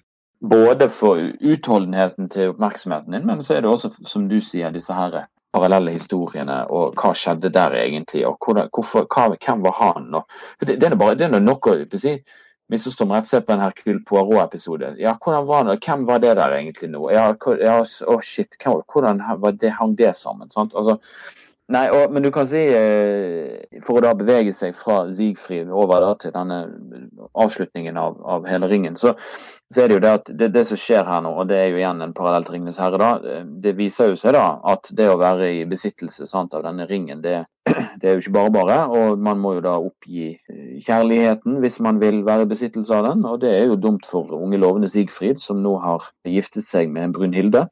Og så viser det seg jo da etter hvert også at er du i besittelse av ringen, så er du i praksis altså for, for, dømt til evig fortapelse. Men, men, det kommer vi tilbake til når vi skal snakke om den siste. Ja, men da er vi over på Götterdämmerung, eller Ring, akt tre, finale, Erløsungsmotiv fra Valencia 2008. Mm. Eh, og nå vet vi jo at vi nærmer oss slutten, for at nå kommer jo faktisk uh, er det The, The Fat Lady Sings. Um, ja. ja, og ikke et vondt ord om det, liksom. Det, synes, det er sånn umiddelbart så det jeg likte noe, at OK, nå, her fikk vi liksom Bam! Der har vi opera-stereotypien. Og det, det, er liksom en sånn en kraftig uh, operasangerinne som synger sånn kraftig operasangerinnesang. Uh, og det er litt sånn kjekt å få være innom akkurat den stereotypien her. Spesielt i denne, denne oppsetningen her, for her, her ramler jeg av lasset på scenografibiten. Jeg syns scenografien har vært jævlig bra hele veien her, egentlig. I den grad det har vært abstrakt, så har det vært knyttet til en viss grad sammen. Her, for å komme litt tilbake til det jeg sa litt dette med hvordan ulike ting slår hverandre i hjel i en oppsetning hvis du allerede sliter litt med opera. Eh, og her føler jeg at scenografien slår i hjel deler av eh, fortellingen litt. Men, det, men det, jeg liker som sagt det, altså hun, hun Sangeren her har jo klassisk bekledning på seg. altså I den grad det er moderne, så ser det fremdeles ut som en sånn opera-viking-valkyrje-kostyme. Eh, det var jo for så vidt ganske stilige kostymer på de valkyriene i den oppsetningen vi snakket om i sted. Det er jo òg veldig sånn klassisk, litt sånn ringbrynjeaktig. Men det er jo litt interessant, da. Altså, hun her, bare, Dette er bare min tolkning, for det er så vanskelig å, å liksom hente ut. Men det er, jo, det er jo Ragnarok som er tematikken her, så det er jo greit. Jeg hører f.eks. leitmotivene tror jeg, jeg tror det er riktig begrep, men at uh, her kommer valkyrienes ritt tilbake igjen i bakgrunnen. Du kommer liksom aldri helt opp på de toppene, men at eh, når hun liksom skal stige opp, så er det den dun, og så er ikke det flere referanser videre derifra. Det er sånn det stopper der. Men hun stiger litt opp uh, i luften, nesten som at hun stiger videre til det neste liv, eller et eller annet sånt. Uh, og så ligger det noen i en boks. Uh, det tipper jeg er Odin, jeg er ikke helt sikker. Så det virker litt som en slags sånn begravelsessetting. Og så, når hun, valkyrjedamen valkyriedamen, har steg opp i luften, så kommer det noen badekarer inn på scenen med noen damer som driver og bader oppi det. Det ser ut som det er piss. Ja. og så er det noen flammer på noen skjermer på sidene. Og så er det en sånn menneskepyramide med sånn klatreutstyr og sånn som henger opp i luften. Og så kommer det inn en fyr som ser ut som en, en sånn uh, fribryter med en kappe på, og sier noen greier. Og på den kappen, jeg husker det du sa om, om penger og sånn tidligere. For jeg så at det er sånn ja. valutamerke på kappen med yen og euro og sånne ting. Eh, ja, og så når han har ramlet, han snubler og detter på gulvet, og så kommer det en tredjemann inn på Segway, og så ja. ja. altså det er jo her føler, jeg, her føler jeg virkelig at det er noen i 2008 i Valencia som virkelig ikke vil at jeg skal like Wagner. ja. ja, altså det, det, er absolutt, det, det, er absolutt eh, Man kan helt klart diskutere om om dette her er vellykkede dramaturgiske regimessige grep. Det er jeg helt, eh, helt enig med deg i. Men ja. ja men altså det, musikken er jo fin her, jeg, jeg liker det jeg hører. Det, men, men er, er, dette de siste minuttene av hele greien, eller er det noe enda ja, mer som skjer etter dette? Altså det, så, det som skjer her, er at uh, altså dette er avslutningen av operaen. Det siste som skjer. Og, dette, og du, for ta, for å poengtere det Eh, i tilfelle jeg har kommet i skade for å ikke gjøre det ordentlig til nå. Ledemotiv, som du sa, lightmotiv da på, på, tysk, det er jo et av Wagners varemerker. Nemlig at hver eh, skikkelse, eller for den del eh, en gjenstand, har sitt ledemotiv. Altså sin sånn gjenkjenn, sitt gjenkjennelige tema, som gjør at publikum da kan ta og nå hører. Og noen ganger så, så, er det jo åpenbart fordi at en, en, skikkelse står på scenen og du hører temaet til vedkommende. Andre ganger så er det fordi at altså, så introduseres temaet uten at vedkommende er på scenen, og da skjønner vi ah, shit, han eller hun er på vei, et eller annet sånt. Og sant, Valkyrienes tema. sant, og det som skjer her på slutten, er jo at vi får dette erløsungsmotiv. Og det som da skjer, er jo kort fortalt da i den grad det er mulig å, liksom sammenføre. Og nå er det jo veldig mye parallelle eh, storyer vi har eh, hoppet over her, og sånn, men, men det er jo igjen, altså man, man, må prøve å få en slags sånn oppsummerende linje gjennom hele greien. da. Det er jo det at uh, Sigfrid, som vi snakket om i sted, denne litt sånn cocky eventyreren, han blir jo da myrdet. Og Brynhilde, hans ektefelle, er jo da selvfølgelig fra seg av sorg og rasende og i det hele tatt sånn. Og og det som da skjer i dette flammehavet som du skildrer fordi dette her er, altså Opptrinnet til denne, til denne, scenen her er jo da Jeg klarer ikke å forstå det på en annen måte enn at det er Sigfrid som ligger i, i denne boksen. Mm. Um, det som da skjer, er at Brynhilde entrer scenen, og da i hvert fall originalt sett så, så er hun da på denne hesten som heter Grane. Og det hun da gjør, er at hun, hun offentliggjør at hun, hun, var da Sigfrids egentlige ektefelle. Mm. Og ved å da følge han inn i døden på ordentlig sånn tragedieavløsning, altså det er jo i beste nær sagt Romeo og Julie-stil, dette her. Eh, men ved at hun da går i døden, så oppheves også ringens forbannelse. Mm. Og da får vi dette vanvittige gravferdsbålet. Og dermed så at det, det, er jo ikke slutt på verden, men det, det, akkurat den verdensorden der går da til himmels. Og, og gudenes herredømme er slutt og finito. Og så, eh, for å da trekke linjen tilbake til begynnelsen, hvor vi da var ved Rinens bredder, og dette ringullet som da disse nymfene fikk god beskjed om å prøve å passe på så godt de kunne, noe de da ikke klarte. Eh, Eh, men Rin går da over sine bredder da, og sluker da sitt omland. Og da får da ta, disse rinnymfene får da tak i denne ringen til slutt, da. Som da gjør at alt ringull og ja, grådighet kan da returnere til sine rettmessige eiere, altså disse nymfene som ligger, eller rinjomfruene, eller hva vi skal kalle dem på norsk. da. Og ting roa seg, og det gikk bra. Og da er spørsmålet nå, nå Eller da liksom nå var den tiden til ende. Nå må menneskene fortsette herfra fordi at gudenes herredømme er ferdig. Og da er spørsmålet klarer man bedre neste gang. Eller går man i akkurat samme fellen og lar seg forlokke av rikdom? Mm. Som da kan drive fram det verste i menneskene om igjen. Og, og du kan si det er, jo, det er jo da en tematikk i dette. Og, om vi da ser bort fra at Wagner har shoppet fra norrønt og fra Edda-diktning og fra her og der og sånn, og gjort dette til sin egen greie, så er jo tematikken er jo, er jo veldig sånn, skal vi si, human, da. Og det handler jo om Jeg vet ikke om Wagner hadde troen på det beste i mennesket, det, det tør jeg egentlig ikke uttale meg om. Men her, slutten blir jo på en måte litt sånn åpen. Sant? For OK, nå falt det der fortsettelse følger, men, men, det er litt sånn, det er opp til oss å ta det videre herfra. og Sånn sett så kan man jo sette ringen inn i en moderne setting med si, global oppvarming og alt dette. Klarer vi nå, eller går det, går åt skogen fordi at for mange har hatt kapitalsterke interesser og verden går under? Altså, kan, det, det, altså, det, er jo en sånn universell tematikk i dette her, uavhengig av om han har shoppet herfra og derfra. Men, men, det er liksom det, er det det ender med, da. Og så ender det jo i, det ender jo i dur, og det er jo en slags på en måte en slags happy end dit så måtte mange dø, og det var incest og det var devilskap. Altså. Men igjen, og dette brukte han ca. 25 år på, og han laget alt sammen sjøl, som sagt. Og, og det, det, altså, det fins jo ikke maken til altså, noe slags sånt verk for scenen da, på den måten. Det fins vanvittig svære, flotte operaer, men noe lignende sånn psykisk som dette her er ikke laget verken før eller siden. Og det kan man jo for så vidt forstå.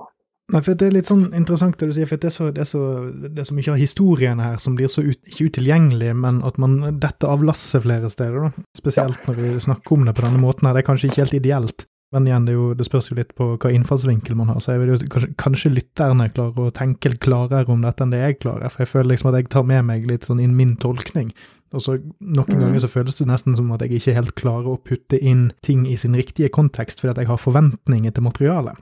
Som for eksempel når det er Götterdammerung i denne mm. scenen så er det jo egentlig bare en Sigfrid og Brynhilde. Men, men hvor er gudene oppi dette her, da? Altså, altså, for et Assosiasjonen min er jo dette endeslagsmålet mellom, uh, mellom Åsgård og, uh, og Utgård. Sant? Altså mellom, uh, mellom, kjempene og gudene og Midgardsormen og hele pakken. Sant? Så når du bruker det uttrykket, så sitter jeg og venter på mer. Altså det, det var derfor jeg, tankene mine gikk til Valkyrie og den typen ting. At det var det skulle være noen eh, flere lag med betydning bakover i scenen, da, at kanskje ting skulle representere noen andre ting. Men det er jo morsomt det du sier med at nå, å ja, nå skal liksom eh, griskheten og sånt vende tilbake igjen til utgangspunktet, for det er vel det med han der wrestleren med valutamerkene på kappen sin skal representere, kan jeg tenke meg. Ja, jeg vil også tro det. Nei, du kan si eh, Hvor, ja, hvor er gudene i dette? Altså, det gudenes uh, herredømme det, altså, Odin får jo vite om dette her uh, som skjer. Altså, uh, altså, En av ravnene hans ser mm. jo hva som skjer, og så flyr de med budskapet til han. Og så kan man jo det er vel kanskje der Tolkien har tatt det litt lengre, da. F.eks. i, i 'Ringenes herre', når du får disse vanvittige slagene. Det er vel mm. kanskje det han har følt manglet i, jeg vet ikke, i, ja, de, er jo, Wagners, de er jo mindre omfattende i bøkene, da. Eller de er ikke så intense. Det er vel eh, veldig mye sånn Så ridder de ut der, og så slåss de, og så ridder de tilbake igjen og snakket litt, og så ridder de ut, og så Jeg husker i hvert fall at det var veldig underveldende å lese uh, Atter en konge på, rent på det volds, voldsnivået. Det, det er jo òg litt eldre bøker etter moderne standard, så det har jo blitt utbrodert veldig i sceneoppsetningene, for å si det sånn. Ja, det er absolutt. Og, og, og, du kan si, um, for å igjen dra inn denne Tolkien-parallellen, så du kan si sant, disse nibelungene, hva er det? Altså, det blir en sånn form for dverger. sant, og så Valkyriene er en altså, Så er det forskjellige klaner av, av, av skikkelser, dette. sant, Jeg ser jo sjøl altså, han her Alberich, da, jeg har vel ikke nevnt navnet hans ennå, men det er jo så mange han her Alberich, da, som, som, da var en av de som bevoktet skatten og denne, dette gullet, da, han er jo en, altså han fremstilles jo som en dverg Altså, Historisk sett så er han jo det, da. Og, men igjen, altså Wagner tilpasser han jo litt. Men han, han, for meg er det klare paralleller fra han og til hva heter Gollum i, ja. i Ringenes herre. Men det er, ikke, det er ikke, liksom en kopi av han, men han, han er litt, altså, litt sånn også, Ofte så fremstilles han som en sånn derre ja, skal vi si, helt sånn enspora ond tulling sant? Som, som kun er opptatt av denne, altså gullet og ringen og dette. da. Men det er veldig, og igjen, altså det er vanvittig komplekst. Og, og det å sette seg inn i dette er jo og igjen, Man kunne snakket om det, alle disse underliggende greiene. og dette alle gudene som er med i dette her. Og, og det er jo det er ikke få, for å si det sånn. Og, og, og enda nå, vi har jo knapt uh, vært borti disse her ja, båtene. altså Odin og, og Frigg og disse har vi jo nevnt. Sant? Og så er det Våglinde og, og disse rinjomfruene da, som vokter gullet. og så har du sant? Og, men, men, det er veldig lett, og jeg tror det er noe av Hvis det skal være som et sånn generelt råd hvis man skal lytte til opera, eller se opera helst, da, Eh, nå er det jo vanskelig å gjøre det live i våre dager, men det er og det er jeg helt med på, det er veldig lett å ramle av. Og jeg gjør det ofte sjøl òg, hvis jeg skal se en opera jeg ikke kjenner handlingen til. Så, så er det, Og det har jeg gjort flere ganger, gått live og sett. Og, og, så, og, jeg, og, jeg, aner ikke hva som møter meg. Jeg typisk vet om en eller annen kjent Ari eller et eller annet sånt. Men og så, sitter jeg der og så er jeg liksom Ja, hva skjedde nå? Sant? Og så skal man jo også Det må være lov. Dette er, sånn, dette er liksom banning i kirken, men det er også en realitet. At det, du er ikke nødvendigvis en stor skuespiller, selv om du er en stor operasanger. Og det, det gjør at en del oppsetninger faller igjennom noen ganger. Fordi at skuespillet ikke er overbevisende nok. Eh, og det er en kjent sak. Og det, det, kan også da bidra til at opplevelsen blir litt forringet, da. Men da er vi jo egentlig litt over på eh, en slags sånn her generell eh, drøftningsavrunding, tenker jeg. På litt, litt mer sånn filosofiske planet. Ja, for du, du, er, du, var, inne på en av issuesene mine her. Det er det der med altså, hvis man ut, Jeg har jo i utgangspunktet et litt sånt problem med operasynging, for jeg har inntrykk av at de er jævlig gode til å synge, men måten de, det kreves at de synger på Det virker nesten som om teknikken kveler noe av det de skal kommunisere. Altså Det at de skal klare å holde ut og synge så høyt så lenge, gjør òg at de utbasunerer og skri, altså roper ut ting som egentlig kanskje skulle vært kommunisert mye mer subtilt, altså med, med, litt mindre luft, rett og slett. Så, så, sånn generelt syns jeg det ofte er teknikk på bekostning av melodi. Eh, ikke alltid. Mm. og Det er flere sekvenser i det vi har hørt på i dag, på en måte som er er stilig og som funker, men det er òg ofte sant, Nå skal ikke jeg bruke det jeg har sett i et Wagner, i Wagner-stykke til å liksom skjære alle over en kam utenfor dette feltet, eh, men jeg syns at Wagner sine Det lille jeg har hørt, så liker jeg mye bedre de øyeblikkene der det er noe litt sånn pompøst som skjer, men det er på et litt kortere plan. Altså, når valkyriene kommer og de står og er og synger seg imellom om hva de driver med og sånn, så er det veldig konkret. Det er veldig sånn Nå har vi en arbeidsoppgave, og når vi er ferdig med den, så stikker vi igjen. Eh, vi, det, det, er ikke noe mm. mer sånn fjasing med det. Og det samme med, med Sigfrid som synger om å smi sverdet på nytt. Der er det òg der føles det i hvert fall som når Selv om han driver liksom og synger det han ser, holdt jeg på å si, eh, så er det i hvert fall en kraft i oppsetningen og en kraft i det han skal gjøre. Du ser liksom altså Der kan liksom den der liksom, pompøse ropingen passe. Eh, mens jeg detter mer av når det skal kommuniseres mer eh, komplekse ideer, i hvert fall på et språk jeg ikke nødvendigvis Jeg, jeg kan jo bitte litt tysk, men jeg kan ikke Jeg klarer ikke å plukke opp ord og uttrykk når de synger på den måten der. Så, så, så, på Reingold og på Götterdammerung, der detter jeg litt av liksom disse tingene som skal kommuniseres til meg. Det forstår jeg veldig godt. Jeg har, altså, har virkelig ingen problemer med å skjønne det. Og sånn generelt når det gjelder opera, og dette igjen er et ankepunkt mot opera generelt. Og det gjør at um, Og nå kan det godt hende at jeg dømmer meg gjerne for å være Eller tar meg gjerne for å være enfoldig og sånn, men de beste hvis du ser bort fra Carmen, da, en Bizet-opera, som er absolutt et drama, som jeg så en gang i Berlin, så de beste, de beste oppsetningene jeg har sett, og som jeg sjøl syns har fungert best, er sånne hysteriske farsekomedier. Fordi da, Det kan hende at jeg er altfor lettlivet, altså, men, men det jeg har opplevd da, har vært at det har eller derfor de oppsetningene. Det kan jo hende at selvfølgelig hvis du har karakterer som skal være morsomme, som ikke evner å bli spilt morsomme av, av sangere, så funker det ikke. Men, men, ofte så kan Jeg vet ikke, at det da er litt enklere altså, Da har selve musikkdramaet fungert bedre, syns jeg. Eh, men jeg er helt enig, og dette her er noe av det som gjør at de skikkelig gode Wagner-oppsetningene og oppsetningen av Ringen er, eh, for å si det rett ut, en sjeldenhet. Eh, det er ikke det å si at når det da settes opp hvert år i om det er Covent Garden eller i New York eller i, i Roma eller Milano eller hvor det er For Det er jo ikke sånn at, liksom, at det går 20 år mellom hver vellykkede oppsetning. Det, det, er jo ikke det jeg mener. Men at du Altså samspillet mellom solistene, eh, dirigent, regissør osv. må funke. Eh, scenografi, sant? Setter man det til 1700-tallet, setter du det til vikingtiden, setter du det til noe alt, det, alt dette må klaffe. Og, og, det er det som gjør at når man snakker om opera, eller for den del teater, så, så er det litt sånn Når vi da snakker om så er det på en måte litt meningsløst å bare snakke generelt hvis misforstår meg etter, om et hvilket som helst verk. For det, det, er så avhengig av hvilken oppsetning det er. Sant? Og, og sant, det er akkurat det samme med, altså Man kan si at man liker eller ikke liker eh, et dukkehjem av Ibsen. Men det kommer jo helt an på hvilken oppsetning du har sett. sant?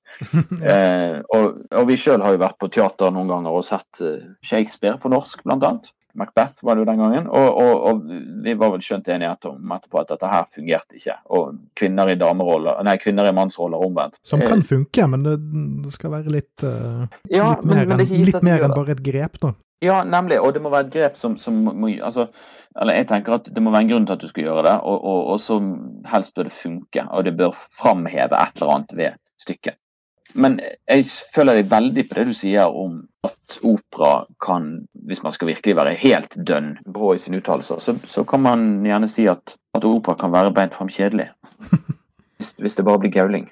Det er gøy det du nevner der, for det er jo det jeg har tenkt før jeg startet kveldens prosjekt. Sant? Så jeg tenker at hver gang jeg har en gjest som skal hjelpe meg med å lære noe nytt, så er det min plikt å åpne sinnet. Og det var derfor jeg egentlig kom inn tidlig med, i starten her og sa at her mistenker jeg at jeg ikke har hatt så åpent sinn som jeg burde, og prøvde å legge inn litt sånne qualifiers for hva er det som har potensielt stått i veien. Så jeg skal, jeg skal for det første være veldig åpen på at jeg ikke har vært åpen nok, kanskje så er det jo litt artig å få litt eh, støtte fra deg på det, eh, altså på, på forutinntattheten min.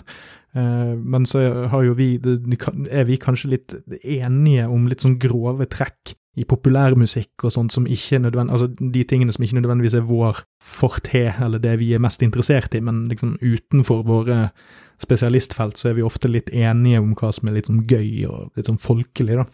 Så, så, kanskje er ikke du den, den rette til å utfordre meg på det heller. Uh, men, men, det har jo vært veldig lærerikt, hele denne biten her. Men det jeg merker når jeg hører på dette, er jo at det er merkelig hvor mye moderne musikk har tatt inspirasjon herifra. Og da er det da både de som har tatt direkte inspirasjon fra Wagner, og de som har indirekte vært inspirert av det. Altså som bare dette du snakker om med leitmotiv, sant, eller, eller ledemotiv. Nå har vi sluttet litt med det i filmmusikk, tror jeg, men fram til ja, Ringenes herre og rundt eh, de første Pirates of the Caribbean-filmene, så var jo det fremdeles veldig i bruk i, i, i filmmusikk. Eh, Supermann har sitt eget tema som går igjen. sant? Altså I hver Supermann-film fra 70-80-tallet så er det sånn eh, helt konkrete motivet for eh, planeten Krypton og for eh, Supermann sjøl, og så er det kjærlighetsmotivet mellom han og Lois Lane. sant? Eh, og det er jo fordi at det er skrevet av John Williams, og John Williams er jo en klassisk klassisk trent komponist, som òg henter inspirasjon fra f.eks.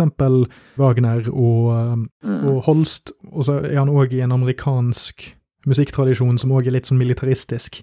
Eh, militærorkester og sånt, og de er jo igjen òg litt sånn prøyssiske og tysk-inspirerte igjen. Sant? Så det er, eh, det er jo mange linjer som du kan trekke her. Eh, men så er det så interessant at man har kokt ting veldig ned. Eh, så sånn, selv om moderne, eller de, den moderne musikken føler jeg har beveget seg veldig vekk fra noen av de tingene jeg liker med Wagner, som er leitmotiv og sånn. Og, og min, bekjentskap med dette er jo filmmusikk, først og fremst, med det nærmeste som kan kalles klassisk musikk jeg hører på. Sant? Det er jo det mye mm. moderne filmmusikk som jeg vil si er, er veldig atonalt og, og, og, kjedelig å høre på. Men i moderne setting så vil jeg nesten si at musikalen er den moderne operaen, fordi at de retter veldig på omtrent alle problemene et moderne publikum ville hatt med opera. At du stripper vekk liksom Wagner-tubaen og Stalin-orgelet og alle ropingene og sånt, og så tillater du at eh, skuespillerne kan snakke litt, istedenfor å bare synge. Um, det er helt riktig. Men, men igjen, jeg, jeg, vet ikke om jeg foretrekker det heller. Altså, jeg Jeg tror jeg hadde virkelig elsket en sånn veldig kort og konsis best of Wagner-oppsetning. Altså, de, altså kok det ned til altså En fire timer tror jeg jeg skulle klart hvis det var hele Altså hvis du hadde en sånn helaften med hele denne greien her kortet ned til en fjerdedel, så tror jeg jeg hadde likt musikkopplevelsen, og i hvert fall hvis jeg hadde satt meg inn i det i forkant, så ville jeg nok kunne klart å henge litt med på plottet til en viss grad. Eller hvis du hadde hatt sånn som i gamle Chaplin-filmer med litt tekst som forteller hva som mm. foregår. Du kan si, altså, Fordelen er jo når man, eh, sant, man sitter på et operahus eh, et sted, så Eh, hvis du er i Norge, så når de synger på italiensk eller på fransk, eller hva de gjør for noe, så, så kommer det jo tekstet eh, over. og På noen steder står det jo på stolryggen foran deg hvis du er på forskjellige operahus. Så, så det, det, det, er vanlig. Men du kan si, jeg er, for det første, jeg er helt enig med deg i det der med altså det med musikaler, det har jo vært for noen det ankepunktet. fordi at det, du, det, det er jo en linje her fra opera, og så fikk du rundt århundreskiftet det som kalles operetter. Og de var jo bevisst skapt for å være litt enklere. Altså, og det er ofte, veldig, ofte, veldig ofte komedier. Uh, men da, da, var handlingen ikke i nærheten av så kompleks som i Ringen uh, hos Wagner. Og da, da, var det mer, altså da var fokuset mer på underholdningen. Og så etter hvert utover på si sånn 20-30-40 altså det er litt sånn, det kommer litt etter litt, så får du musikalen. Som igjen, som, som da på en måte tar med seg det beste fra operaen og operettens verden. Eh, og så er det mye mer talt dialog. Men det har du også i en del altså Tryllefløyten av Mozart det er jo det som kalles for syng, syngespill, eller zingspiel. Hvor det synges, sangene synges, og så er det talt dialog. Så, så, på mange måter så er det jo en link der, eh, hvis man vil gå inn i operaens verden. da. Er, og, og, og, Tryllefløyten er jo definitivt lettere fordøyelig enn en dette her. Og, og musikalen er i veldig stor grad tilpasset si, et moderne publikum og vår tid. Og det er jo også derfor at musikaler er så populære. Og man renner dørene Og ikke sant, Le Miserable har spilt non-stop på Westend siden den åpnet på midten av 80-tallet. Altså, det er jo ikke tilfeldig. Folk elsker jo dette. Men selvfølgelig kritikerne kritiserer det fordi at de mener at dybden er tatt vekk, og at det er altfor sånn at, at, du som menneske har godt av litt motstand. Da. Og jeg ser jo den òg, men jeg er jo litt sånn ja takk, begge deler. da. Og selvfølgelig det du sier med leitmotiv, altså med, og, og samme med, sant, med, med, Star Wars, med eh, Darth Vader. Da, da, da, da, di, da, da, di, dum, sant? Altså, så det John Williams der tar, det er jo virkelig wagnerisme på sitt beste. Han tar akkurat det greiene der. Og så er det litt i den der Wagner-Gustav Holst-stilen med masse messing og bombastisk og svært og stort. Eh, så det er jo helt klart en, en direkte linje tilbake til Wagner akkurat der. Men betraktningene dine deler jeg fullstendig, og jeg er helt enig det er egentlig ikke en altså jeg, jeg, er litt, jeg, er litt, på den andre siden òg, for jeg er en kontrær kødd eh, på slutten av dagen, alltid. Så jeg er egentlig òg litt enig i dette her med at ting skal være litt vanskelig. Eh, det er ikke sånn at alt som er, alt som er vanskelig, liksom er teit fordi at det er vanskelig. Sånn, så jeg går helt med på at Wagner er i 100% sin rett til å lage så jævlig lange operaer og bare køle på, og han er jo åpenbart en av de beste utøverne av det. Sånn. Han har jo klart å lage 100% det han har lyst til å lage, og eh, på en måte fått, slått, eh, fått ringvirkninger gjennom hele, hele sjangeren og hele musikkverdenen og hva det skal være. Så det er ikke, det er ikke liksom en kritikk av om dette er et verdig verk, på en måte. Men så tar jeg meg òg i det at all klassisk musikk som vi hører på i dag. Altså alt som har blitt lagd før det var vanlig å ta opp musikk, f.eks. Det er jo en ganske grei sånn cutoff. Alt, som, alt som var litt sånn høykultur allerede for 100 og, 100 og noen år siden. Det er jo ofte en popularitetskonkurranse. sant? Altså Vi sitter jo igjen med sant? altså tilbake til, altså Vi har jo egentlig ikke musikk fra tidligere enn Du kan dette bedre enn meg, men sånn rundt barokken. sant? altså vi har, Det er bare sånn 300-400 år vi har greit med materiale, og sjøl ikke det. sant? Og vi vet jo at Wagner lagde relativt populære oppsetninger i sin tid.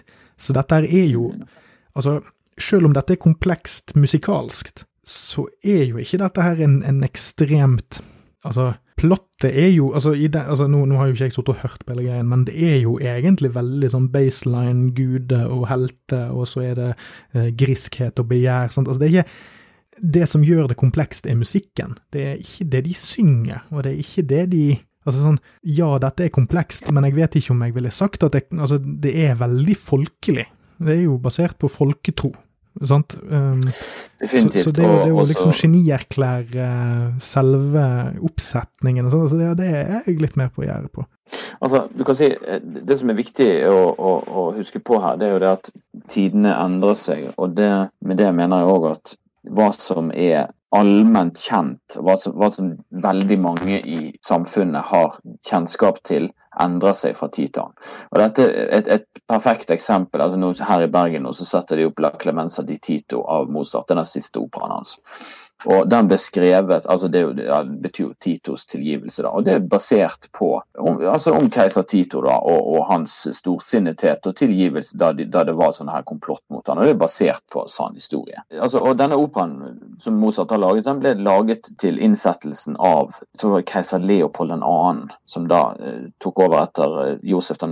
Da, og, og du kan si det, så, da er, da var jo det, det var jo et politisk spill i dette.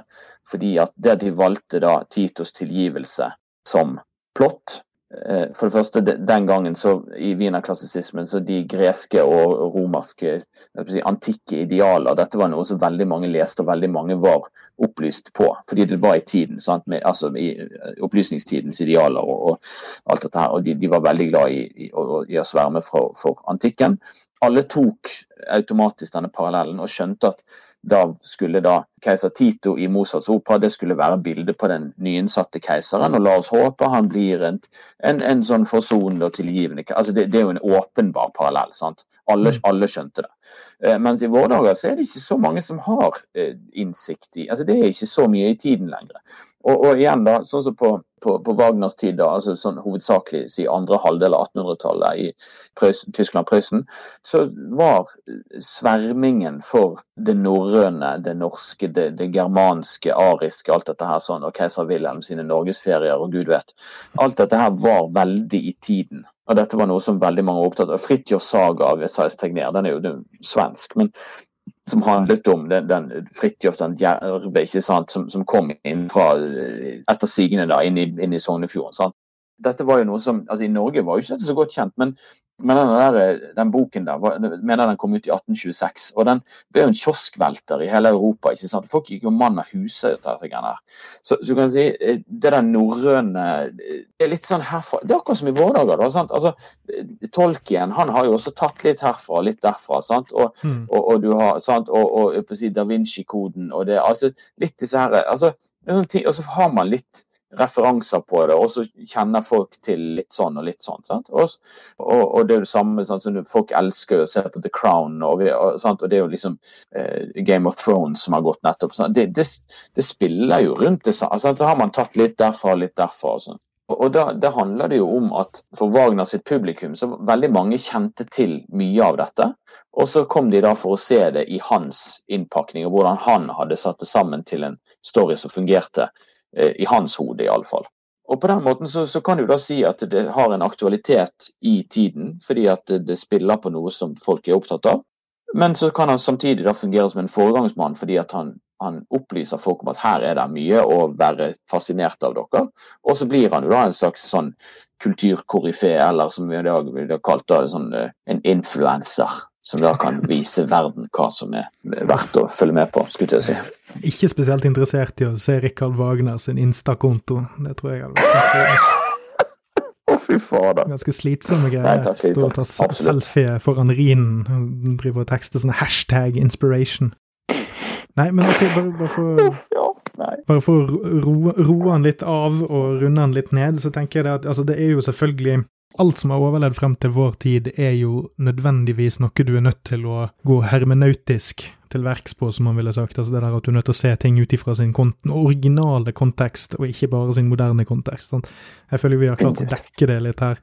Mm. Så, så, så sånn uavhengig av hva man syns om det, så er det definitivt noe man skal respektere, om ikke absolutt alle deler av, så i hvert fall liksom helheten tror jeg man kan ha en ganske rakrygget respekt for, selv om man ikke nødvendigvis får noe ut av det på det personlige planet. Ja, ja. Og så, og så er det jo òg altså dette, dette, med det folkelige. Eh, fordi at det å være folkelig er jo noe litt annet i dag. Og det lurer jeg på om det er en del snobber, eh, og vi, vi, kjenner jo de, Frode.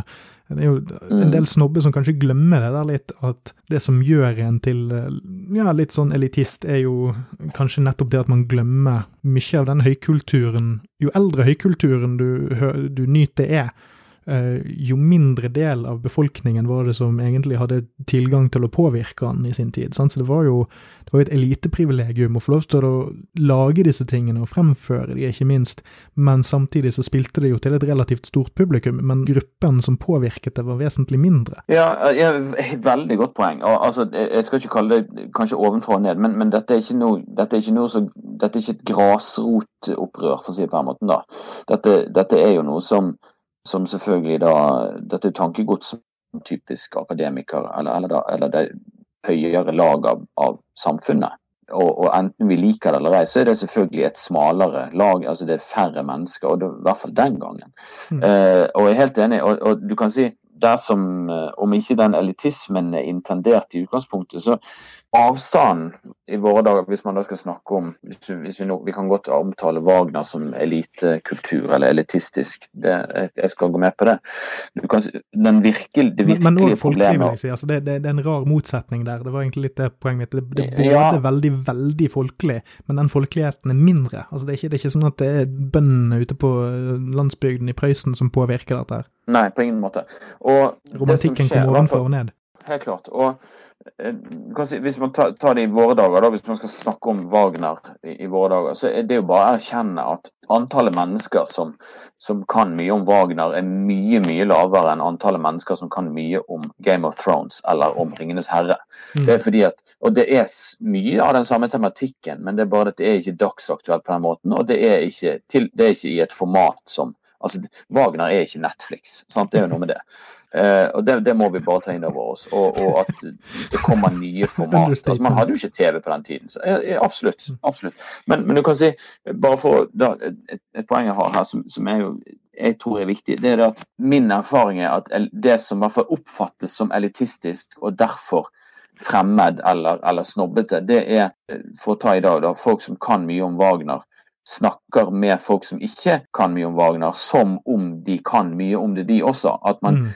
Og da, da, får du den enorme avstanden, for da står du og snakker om og, og hiver ut masse referanser som om mottaker eh, skjønner hva du snakker om. Mm. Og, så, og, så, og, så, og, så, får du akkurat som i, når man sitter og ser på en opera, så, så sondrer du ut for dette. Du, du, ja, men, eh, her, det skjønner jeg ikke, jeg vet ikke hva det betyr, jeg vet ikke hva det er, jeg vet, jeg vet ikke, jeg vet ikke. jeg vet ikke. Så, så det å undervurdere publikum er like farlig som å overvurdere publikum, for å mm. si det på den måten. Og vi skal ta på alvor at det å ha masse referanser inn i norrøn mytologi eller Wagner sin toneverden, det, det, er definitivt et smalt felt. Og, og, selv om noen da mener at ja, men dette her er altså, folkelig, så kan man si den universelle tematikken med kjærlighet og offer og det gode mot det onde er veldig universelt, ja.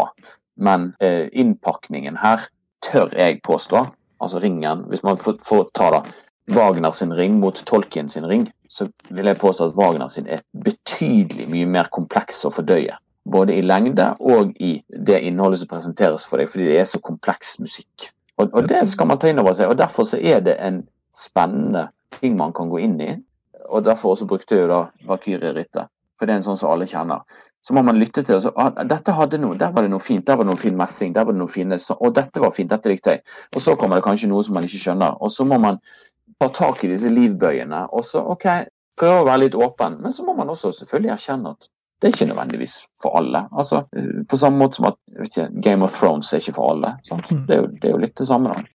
Nei, eh, Sånn for å gi en, en liten uh, livbøye til Tolkien-fansen der ute som sitter, sikkert sitter og og river seg i lembasbrødene sine uh, av frustrasjon nå, så skal jeg si det. Jeg har lest bøkene, og jeg har sett filmene.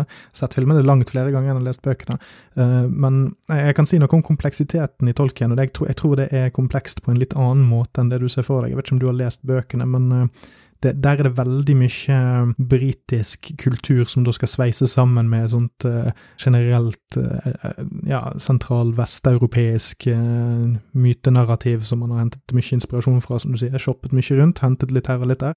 men det er òg veldig mye, mye språk og altså det er mye bruk av alludering. Altså det, det, den, er, den, er, nok enkel på mange vis, men det er sånn, det, er folk som har gått ganske Han var jo, han var jo språkprofessor, så han i eller lingvistikk, jeg husker ikke helt. Eh, så det var, var, det var, et ganske klart kunstnerisk prosjekt han gikk ut på der. Ikke at det nødvendigvis kan sammenlignes, men er, der er det en kompleksitet som kanskje ikke er like åpenbar på overflaten for utenforstående. Litt sånn som vi har snakket om nå. Mm. Men da kjenner jeg at det er litt på tide å sette en eh, kork i eh, både det ene og det andre snakketøyet her, fordi eh, nå, nå har jeg faktisk klart å lage en gjesteepisode som kanskje kan bli under to timer. Så jeg må bare si eh, tusen takk for at du kom enda en gang, Frode. Jeg tror du har vært med å rydde litt opp i i hvert fall en del tanker jeg har hatt om kanskje opera generelt, men Wagner spesielt. Jeg tror kanskje jeg både har fått mer og mindre respekt for både kunstformen og kunstneren her på litt forskjellige vis. Um, men det er jo kanskje gjerne det som skjer når man tenker på ting på nye måter, eller at du får uh, jeg, føler, at noen av tingene jeg tenker, uh, har ment, uh, er på en måte litt velbegrunnet, men så ser man jo litt at når man, når man har, fordøyd litt, at her, her, har man jo kanskje liksom et innblikk i en kultur som har gått litt tapt. da. Så takk for den sparringen der, det syns jeg var fint. Jo, nei, men, ja, orden. Også, altså, dette er jo for, Det kan jeg også si, selv om jeg altså, musiker og har studert dette i altfor mange år, og sånn, så for meg er det jo også en, en, modning. Det er musikk som vokser på meg også. og ting som jeg for noen år siden ikke klarte å finne den helt store gleden eller si, responsen i. Altså Det vokser på meg, og det tror jeg òg en skal. Hvis en skal gå inn i og lytte på klassisk musikk, opera, Wagner, så må man gi det litt tid, tror jeg. Og gi det sjanse til å modne på en. Og, gi, ja, og la kanskje vokse med det. Kan være en god ting. Ok, men ja. før vi runder av, Frode, har du noe du har lyst til at lytterne mine skal sjekke ut? Altså, jeg tenker jo at uh, som sagt, Ringen er en svær sak. 15-16 timer. Og Hvis man tenker at det kan være en litt eh, røff start, så er det en, en opera som ved siden av 'Flyvende hollender', da, hvis man vil begynne med noe litt kortere, så er det enten den eller eh, en som heter Meistersinger, altså Nord, eller Meistersingerne fra Nürnberg. Det er en eh, ikke komisk opera, men den er, den er betydelig lettere er typisk en av de operaene man gjerne tyr til hvis man har Den er litt lettere også scenisk og teknisk å sette opp. Den er, den er ikke så ressurskrevende. Og den kan være en fin innfallsport til Wagners verden. Eh, og så vil jeg jo anbefale at man gir, rett og slett gir seg sjøl tid og tenker at dette her kan være en potensiell skattejakt.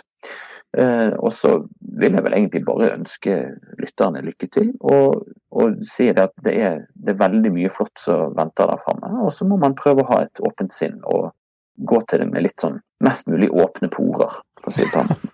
det er kanskje litt andre ting som bør være åpent òg. Men igjen, ja. eh, tusen takk for eh, sparring og innspill, og tusen takk for mm. tips, ikke minst, til lytterne. Men eh, så skal jo òg da lytteren tenke, eller få vite det at nå nå har det vært litt mye uh, tunge greier i flere uker på rad her, så neste uke så skal vi gudskjelov langt ned fra wagnerianske valkyriehøyde og sånt, og vi skal langt, langt ned i lavkulturen. Vi skal faktisk helt ned i kloakken. Tenker du det høres bra ut, Frode? Det der, jeg mistenker hvor at, Antar at jeg hører hvor det bærer hen. Noen som er glad i pizza. Man skal jo ikke helt utelukke det. Det kan òg hende at de prøver å bake en de prøver å bake igjen i fortiden. Um, men uh, Nydelig. Takk for meg, og takk for deg, Frode. Jo, tusen takk. Veldig kjekt å være med. Ha det bra. Ha det bra.